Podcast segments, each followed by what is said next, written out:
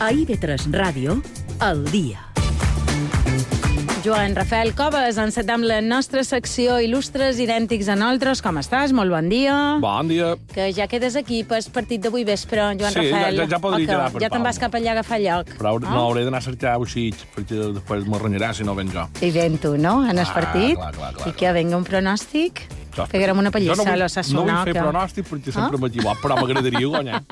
M'agradaria molt guanyar. Anem a veure, men, com acaba, ja en parlarem. La setmana que ve no, eh? Joan Rafael, que per Pasco Vallança. descansam, eh? De Te pa- vaca... No ho sabies? No ho he de sabia. signar, bé, t'ho he d'autoritzar, però pens que sí. Podré fer Ah? panades i rubials. Pens que sí, eh? tot, Si m'endús, eh? Ah, Si m'endús després, eh? Sí, sí, sí, faltaria més. Vinga, anem allà que anem. Començam amb la nostra secció Il·lustres balears idèntics a nosaltres d'avui. Vinga.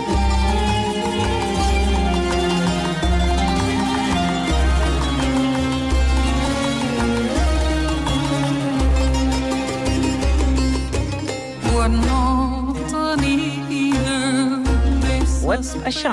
No, no, ha nascut Té aquí, ritme, aquest, no? ritme. Sí, efectivament. Uh, Àfrica, no. mem, diguem. Avui no tots és que han nascut aquí, eh? Ens situarem a principis Acabarà de... aquí, entenc, per ser il·lustre, però de moment El manco passarí, el manco. el feim en fora. Bé, ens situàvem a principis de la dècada del 1660 a la costa nord-africana, a una zona propera a un riu. Allà hi neix el nostre protagonista d'avui. Sent un nounat i sense ser-ne del tot conscient, emprendrà un viatge sense bitllet de retorn cap a Mallorca, mm? deixant enrere el seu pare i germans. Xamem, si aquest principi no t'agrada, Maria, sincerament, m'ho pot dir. Tens No, altres m'ha versions. encantat, m'ha Tens encantat. altres versions del naixement del nostre protagonista. Un però... viatge sense bitllet de tornada, el trob jo molt, Però, si no t'agrada, eh? en tens d'altres, No, eh? està bé, està bé. M'agrada, m'agrada, m'agrada. No sé si és que eh, t'has convertit en un groucho marx o que eh, possiblement avui ens fas una biografia d'aquelles, aquells llibres que llegíem Elige tu propia aventura, o? Que no bons, sé. que bons oh, ja te veig, eh? oh? ¿Te, te recordas, ya el libro? Si Sí. decides coger el tren, ve a la página 102. Si decides coger el barco, ve a la página 103. ¿eh? Cogemos Ay, el barco, sí. página 103, has cogido el Titanic y has chocado con un iceberg. Mueres, fin. Però sí, Això a la conya era si te tocava la primera pàgina. Saps? La primera decisió que prenies ja, sí. ja te passava això. Sí que, sí que me'n recorda que ah, ja no s'usen ara, no? Jo crec No, que els meus fills ja no bueno, les han... ara els teus fi- fills en llegeixen d'aquests? Jo penso que no. Units ja no llegeixen. No va- Això per començar. Lo de ses llegeixen- pantalles no ho tenen, això, no? Però, Sí. no, m'he fixat a Netflix hi ha sèries que tenen qualque capítol, sobretot hi ha una, encara més San Diego, en molt bons Sí? dibuixos, però uh -huh. per Ahà. gent gran també està que té qualque capítol d'això, d'Elige tu... Ah, que vas elegint bé. tu Molt interessant. cap on vas. Oh, molt bé. I bé, de, és més divertit. Amb això tre- feim, feim context del nostre il·lustre d'avui o t'he No, de fer això tornar tu una saps mica... mos Ja te desviam veig. així... Bé, va, va. tornem a la Tornem, nostra història. tornem, Vinga. sí. El tema és que hi ha diferents versions del seu naixement. Mhm. Això jo ho havia sentit a vegades més en els embarassos, eh? vull dir, que, que, que d'un embaràs hi podia haver diferents versions i diferents protagonistes a vegades. Però no és el cas de la nostra història d'avui. Eh? La nostra història és el naixement, que té diferents Sí? versions. Per exemple, n'hi hauria una altra que diu que realment va néixer dins el vaixell, que l'estava portant cap a Mallorca. Concretament, cap al port de Palma. Eh? Uh -huh. Mentre ell era dins el vaixell naixent, uh -huh. la seva mare i germans quedaven a Àfrica. Però, moment. Mentre ell naixia en el vaixell, la seva mare quedava a Àfrica, mem, això. Entre Elige tu aventura i, i, i allò que m'havies dit i, i aquest tipus de llibres, com pot ser que, ni, que neixi dins un... Va, va. Anava dient nin, que no sé si és nin o nina, Va, neixi dins un vaixell camí de Palma i la Sí. mare no sigui dins el És, vaixell. és difícil d'entendre, ja ho entenc. Eh? Sí. Jo, jo me poso la teva pell. Eh? Però tranquil·la, Sí. que tot té una explicació, i llavors abans que, no, que sa mare no ha fet la cara li diuen un obregón. Ah! Eh? No, no, no ha fet Ja això. veig que estàs ben posat en la darrera actualitat. que, bueno, com no de estar-hi, darreres de hores, Déu. efectivament. I de? Resulta que aquest vaixell suposadament transportava arena dels rius que desemboquen a la costa nord-africana, arena que en el segle XVII es transportava en gran quantitats cap a Mallorca, i era utilitzada la construcció de, bueno, de palaus i casals d'aquí de, de Mallorca. Doncs per accident, saps ja sé, quan, quan tu, per exemple, menges un cocorro i intentes evitar les panses, mm -hmm. per accident, eh, aplegues una pansa, eh, mm -hmm. apleguen un ou a dins d'aquesta arena, un ou del qual, a l'eclosionar, veuria la llum el nostre protagonista d'avui. M'has donat una clau important, això. eh? És un detall bastant definitiu. M'estàs dient, idò, que el nostre il·lustre d'avui no és cap dona ni home que és un animaló? Estava molt posada en biologia, Maria, efectivament. Eh? I te diré més, un animaló ovípar. Eh? Perquè, perquè Nascut un ou, me'n record, Exacte. sí. Bé, el tema és que sent una cria, arriba al port de Palma. Mm? Mhm. Uh -huh. Uh, no heu d'imaginar tampoc el port de Palma com ara, eh? no estan xerrant del dique de l'oeste, eh? tot ple de Baleàries, sí. ni de creuer... Bé, ple de creuer no, tres concretament, de n'hi pot haver tres, pensau que si n'hi ha tres, també de n'hi pot haver un que Sí, sigui és igual, creuer. això. Bé, totes aquestes Tampoc normes obres del passeig marítim quan va Tampoc, arribar, no. tampoc, tanta sort. Sí. El port estava més a la zona de la Llonja, en aquell moment, i abundaven vaixells mercants i tot un trull de bastaixos xerrallant i desxerrallant naus. Segurament, espantat i desorientat, el nostre protagonista es va escolar per una de les clavelleres que buidava directament dins la mà. Per exemple, veus, això no ha canviat tant. Eh? La merda de Palma se llegeix dins la mà directament eh, en ple segle XXI. Um, que al final és que som un romàntics sí. i no volen canviar. Ja ho veig, sí, Que deu ser això, des sí. del segle XVII passen aquestes Ben coses. segur.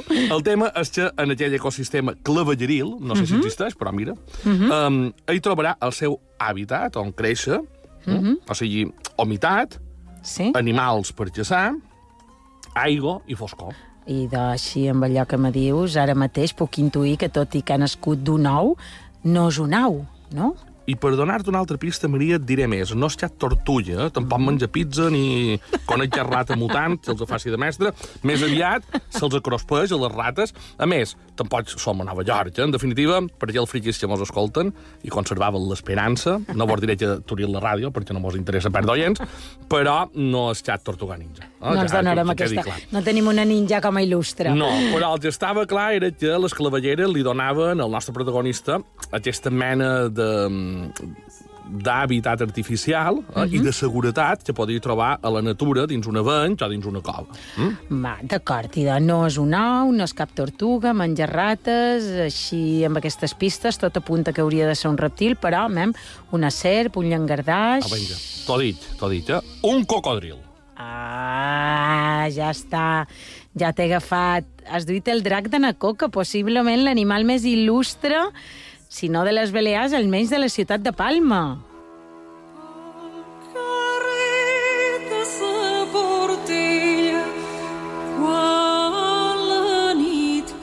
Sí, L'he encertada, no? l'ha encertada. Com il·lustre, sí.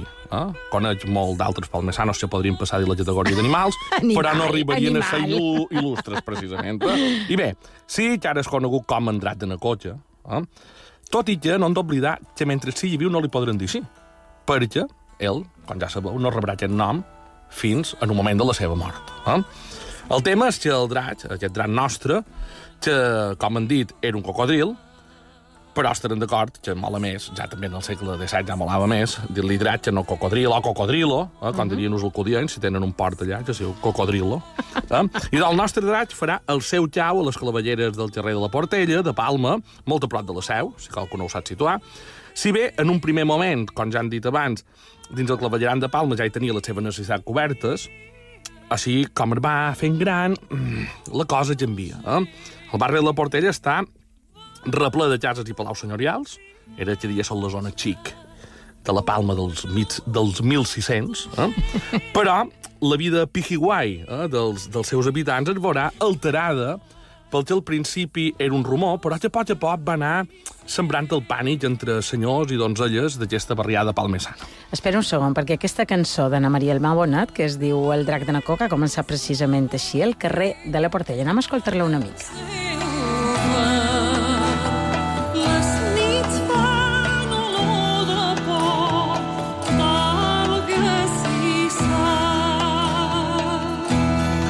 Quin era el rumor que se, Clar, es dic, tenia per les aquesta nits- zona xic de fan- Palma? Diu, les nits fan olor de por. Sí, efectivament, ja l'has que algun deien que l'havien vist, altres sols l'havien sentit. El tema és que s'assegurava que quan entrava la foscor de la nit, dels infants emergia una bèstia que anava a la recerca de les seves preses. Segons pareix, el drac, que havia arribat com una cria, ara ja no en tenia prou amb quatre fens i retotes que podies trobar per dir les clavelleres i necessitava sortir a xassar alguna peça més gran. Un moix, un xa, fins i tot una llavina, un moment donat, mira, les llavines encara... Bé, de fet, les primeres desaparicions que relaten els senyors de l'època xerren de xans i moixos, eh? animal domèstic que desapareixien a la foscor d'un dia per l'altre sense deixar ni rastre.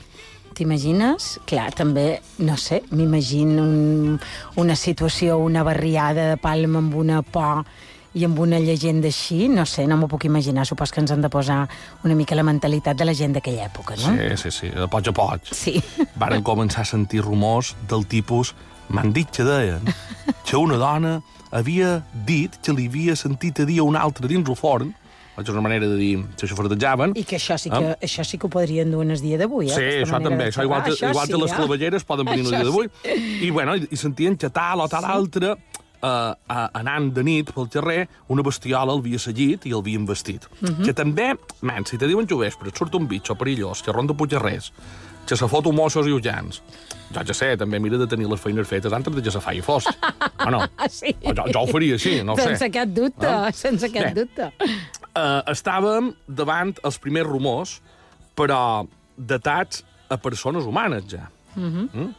Davant d'aquests fets, que molts afirmen com a certs, els senyors de Palma comencen a tancar portals embarrats i fins i tot aquells que no fien de les barreres físiques comencen a guarir portals i entrades amb estampetes de sants i verges per donar-los un extra de protecció. Ja sabem que això, en un videojuegos i tot, ja tens extra de protecció, escudos.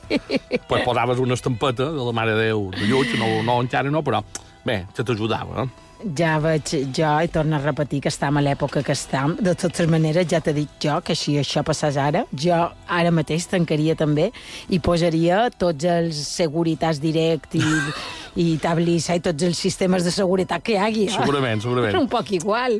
El tema és que el curs de la natura era imparable pel draig, eh? així que començava el temps, el, el, el, seu, el, el mateix temps que el seu cos anava creixent i creixent, tant que molts asseguraven que a les nits, mentre dormien atemorits, sentien el cots de la coa topant a costat i costat de carrer, així com ell anava passant.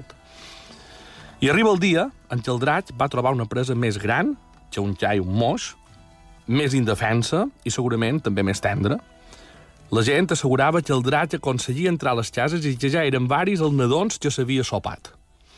De fet, algunes mares també havien estat atacades a l'intentar defensar el seu fill.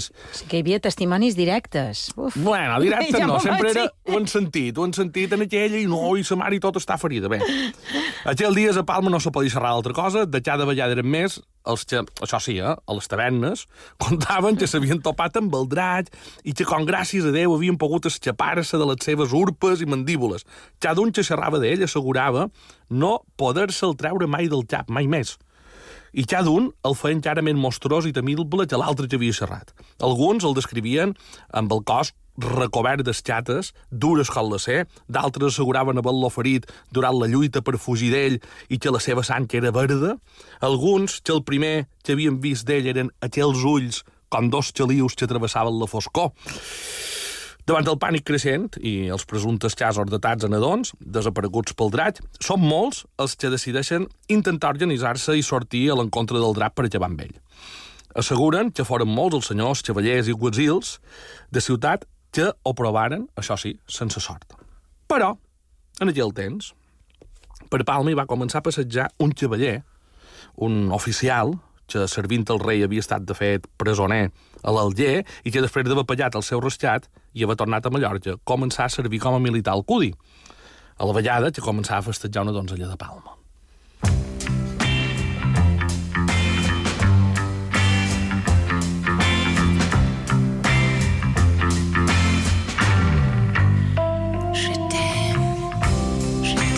M'agrada eh? quan la cosa comença a posar-se romàntica. Ja tenim una cançó de mort Sí. i una cançó de Efectivament, eh? una Que cançó d'amor. Eh? dos grans leitmotivs de totes les històries, la I que mort i solen l'amor. estar presents, efectivament, a tots els il·lustres. Vinga, ara toca Bé. l'amor, lo romàntic. Na Catalina Costa, que no té res a veure la nostra il·lustre de la setmana passada, no Mhm. són cosins ni res, era l'afortunada que rebia les atencions d'en Bartomeu Coll, Mhm. l'oficial de qui parlàvem abans. Precisament na Catalina vivia a un dels casals del barri de la Portella, o sigui que era pijixic de gestes, com dit abans.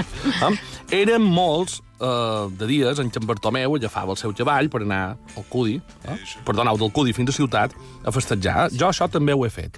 Eh? L'ho d'anar d'una punta a l'altra per festejar. I és vera que no ho feien cavall, però vos he de dir que l'autopista en aquell moment començava a Inca, Sí? eh? i, de fet, m'he menjat totes les, les obres de l'autopista de, po de la Pobla fins a Inca, o de sa Pobla, perdoneu, fins a Inca, mentre es festejava. Quan acabaren les obres, mos casàrem i vivim a Pollença, mira.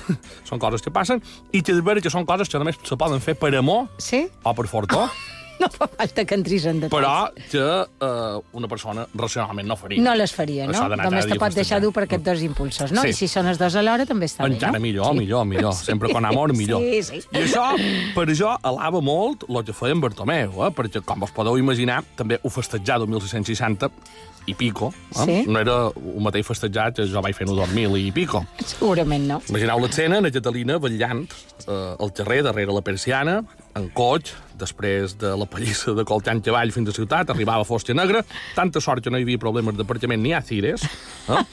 perquè ara ets, zona Cire, tot això, ho hem de recordar. I eh, conversaven, eh?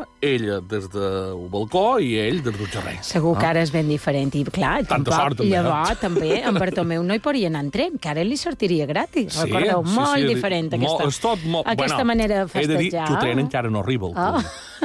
també Hem de pensar en això. Eh, És com en el segle raó, XVII, encara, això. Però bé, pogut Arribar fins a sa Pobla i després agafar estic. Exacte, però no? els poblesos no. el podien no duen massa bé. És igual. Bé, en qualsevol cas, teníem aquesta rutina de ballar darrere la persiana, en Catalina i en Coc, i què va passar? Però un bon dia se va veure alterada aquesta rutina. La Catalina veu com el seu enamorat tomba el cantó, es dirigeix cap a la seva balconada, però just darrere ell compareixen aquells dos ulls encesos de foc i el xiscle de terror de la donzella posen alerta el cavaller. Que, encomanant-se a Déu, i com que també més dir-ho i és més èpic, a Sant Jordi direm, allò que sé, per posar-hi Sí. sí? alguna més, embesteix el drac.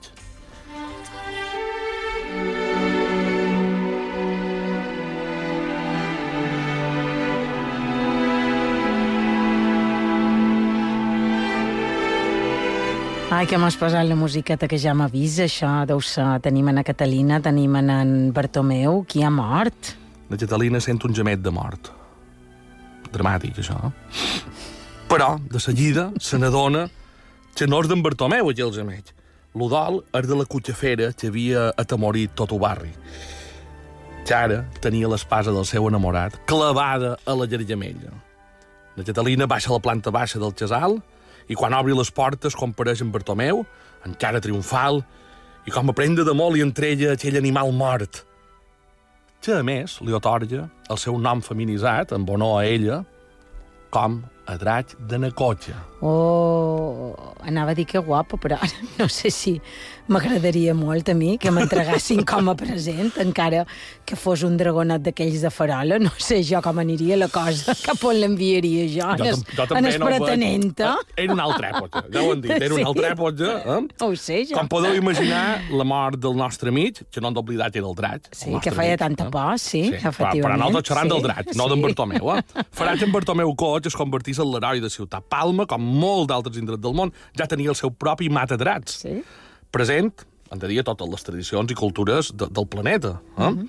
Però hem de dir que la seva mort no acaba la història del nostre protagonista. El seu botxí, per alimentar el seu ego, es va voler assegurar que se'n conservés el seu cos. De fet, durant anys, eh, els anys posteriors en aquesta gesta, el cos del nostre edat serà exhibit a Palma, en el barri de la Portella, fins que Bartomeu Coig mor i deixa vídua i sense descendència en Catalina Costa. Però ni en la mort del seu botxí acabarà la història del nostre edat, tampoc. De fet, na Catalina es casa amb en Francesc Rosselló. Des d'aquell moment, totes les pertinències de na Catalina passen a ser de la família Rosselló. I, dins les possessions que s'endú na Catalina cap a la casa del Rosselló, hi trobam, que, que és una casa que està situada ara eh, de vora, a Santa Eulàlia, Ah, vai. Ah, que ara per mi se diu de, de Jals Vila o una cosa així, és aquell casal que hi ha de vora la iglesia de Sant Eulari. Ahà, doncs, dins sí. d'aquestes possessions seves, se n'hi du, com no, el dret de Nacotxa. Amb aquest fet, neix una de les tradicions més terrorífiques de Palma. Ja ho crec. Conten que cada 31 de desembre, coincidint amb la festa de l'Estendà, a una de les balconades de la casa del Rosselló s'exhibia el cos del nostre amic fent-lo servir com a amenaça cap als infants perquè es portassin bé. Ratllants, a mi això, si és així, m'ha una mica gratuït, no? Ja podrien deixar descansar en pau el dragonat, no? El drac de la coca nostra. Sí. Ah? Bé, però primer de tot, eh, jo t'asseguraré que és així, que és cert. Eh? Està documentat, de fet, com un dels actes no oficials de, del 31 de desembre, i sí que és cert que ja s'han pogut descansar en pau, ja. però també, possiblement, la, la llegenda ha arribat al nostre dia tan viva com ha arribat gràcies a que se feia això, perquè tu, imagina't, que havia de ser per aquells nins i nines que havien sentit la història d'en Coll i del draig, poder veure el draig de bon de veres allà eh, el, penjat. el, el, no? el monstre, com si haguessin tret algun dia el monstre aquell del llac Ness, no? I el haguessin penjat com a trofeu, ja m'ho puc imaginar. Amb el temps, el drac de Nacotxa arribaria de Sant Pau durant uns anys al Manco, Sí? oblidat a dins una xaixa genterana del casal del Rosselló. Això t'ho inventes? No, això va en sèrio. Sí? Això està documentat, això. Jo, jo tot el que he dit Fas una tasca d'investigació impressionant. fins un dia estava dins aquesta xaixa genterana, fins un dia una jove criada de la família, que desconeixia l'existència del nostre amic, fent net, va obrir un xalaix i se va trobar la mòmia del cocodril i de l'impressió que hi ha terra víctima d'un atac de cor. Fulminada. Pobreta. Segurament, aquell fet fou el que va provocar que la família Rosselló digués, de, mira, no poden tenir aquest drac dins un genterano, no? i el donàs al Museu eh, d'Art Sacre de Palma a principis del segle XX, això ja, que de fet el podem anar a visitar i veure'l. El drac de Nacotxa, un drac que encara ara s'estudia i que les darreres informacions que surten d'aquests estudis que se li han fet en el seu cos pareix que es diuen les dues versions del seu naixement que jo t'he contat en un principi. La nova versió assegura que no és un cocodril, sinó que és un caiman. Per tant, un animal arribat des del continent americà i no des del continent africà. I com que no hi havia rutes mercantils entre el nostre continent i aquell, o fins a Mallorca, el Manco, hi ha la sospita, alguns estudiosos diuen, que hauria arribat aquí, a Mallorca, ja dissecat. Ja t'he dic una cosa. No fa falta tot això. Ara què hem de fer? El caimà de na coca? I no va venir aquí amb un ou, en un vaixell, en un... No, no fa falta arribar tan en fora. Mos agradava. Així com quedava la llegenda del nostre drac de na coca.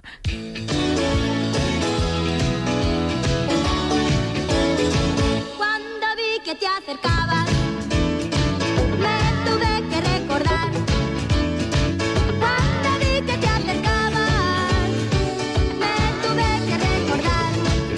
cançó que Parxi es va dedicar al drac de Nacotxa. Efectivament, ara l'escoltarem. Espera, espera, espera, espera, ara ve, ara ve, quan pensen en el drac de na coca. Hasta luego, cocodrilo. Veus, hi diuen cocodrilo. No, era un Hasta luego, cocodrilo. Ah, no, pa- Parchís, no, no, però li que també va investigar. Li diu, hasta luego, cocodrilo, no passaste de caimán. No passaste de caimà. El lot diu Ah, Parxis. i d'això... Al tanto, D'acord, sí, això. Parxis, que ja havia fet no un hi ha treball res que sigui d'investigació. casual. sí, Perquè aquí xerran que sempre sí. de, de, de, dels Simpsons i de tot això, que són Però en realitat profetes. el que és important és... Parxis. Hasta Parxis luego. Però, bueno, Sí. però jo, sincerament, pen com tu, eh, crec que quan quedant que va existir que un tal Bartomeu Coll el va matar, com bé posa, de més, un dels inventaris del Museu Sacre, on està catalogat com a caçat a Mallorca. No me n'atrobarem cap d'altre d'il·lustre amb aquesta epitàfia. No? que sat a Mallorca. Sat a- Poden passar Bueno, moltes coses amb els nostres il·lustres, jo, però... Tenc amics que els han caçat a Mallorca, Fent també, però, però... No, els han caçat. Ho deixam aquí.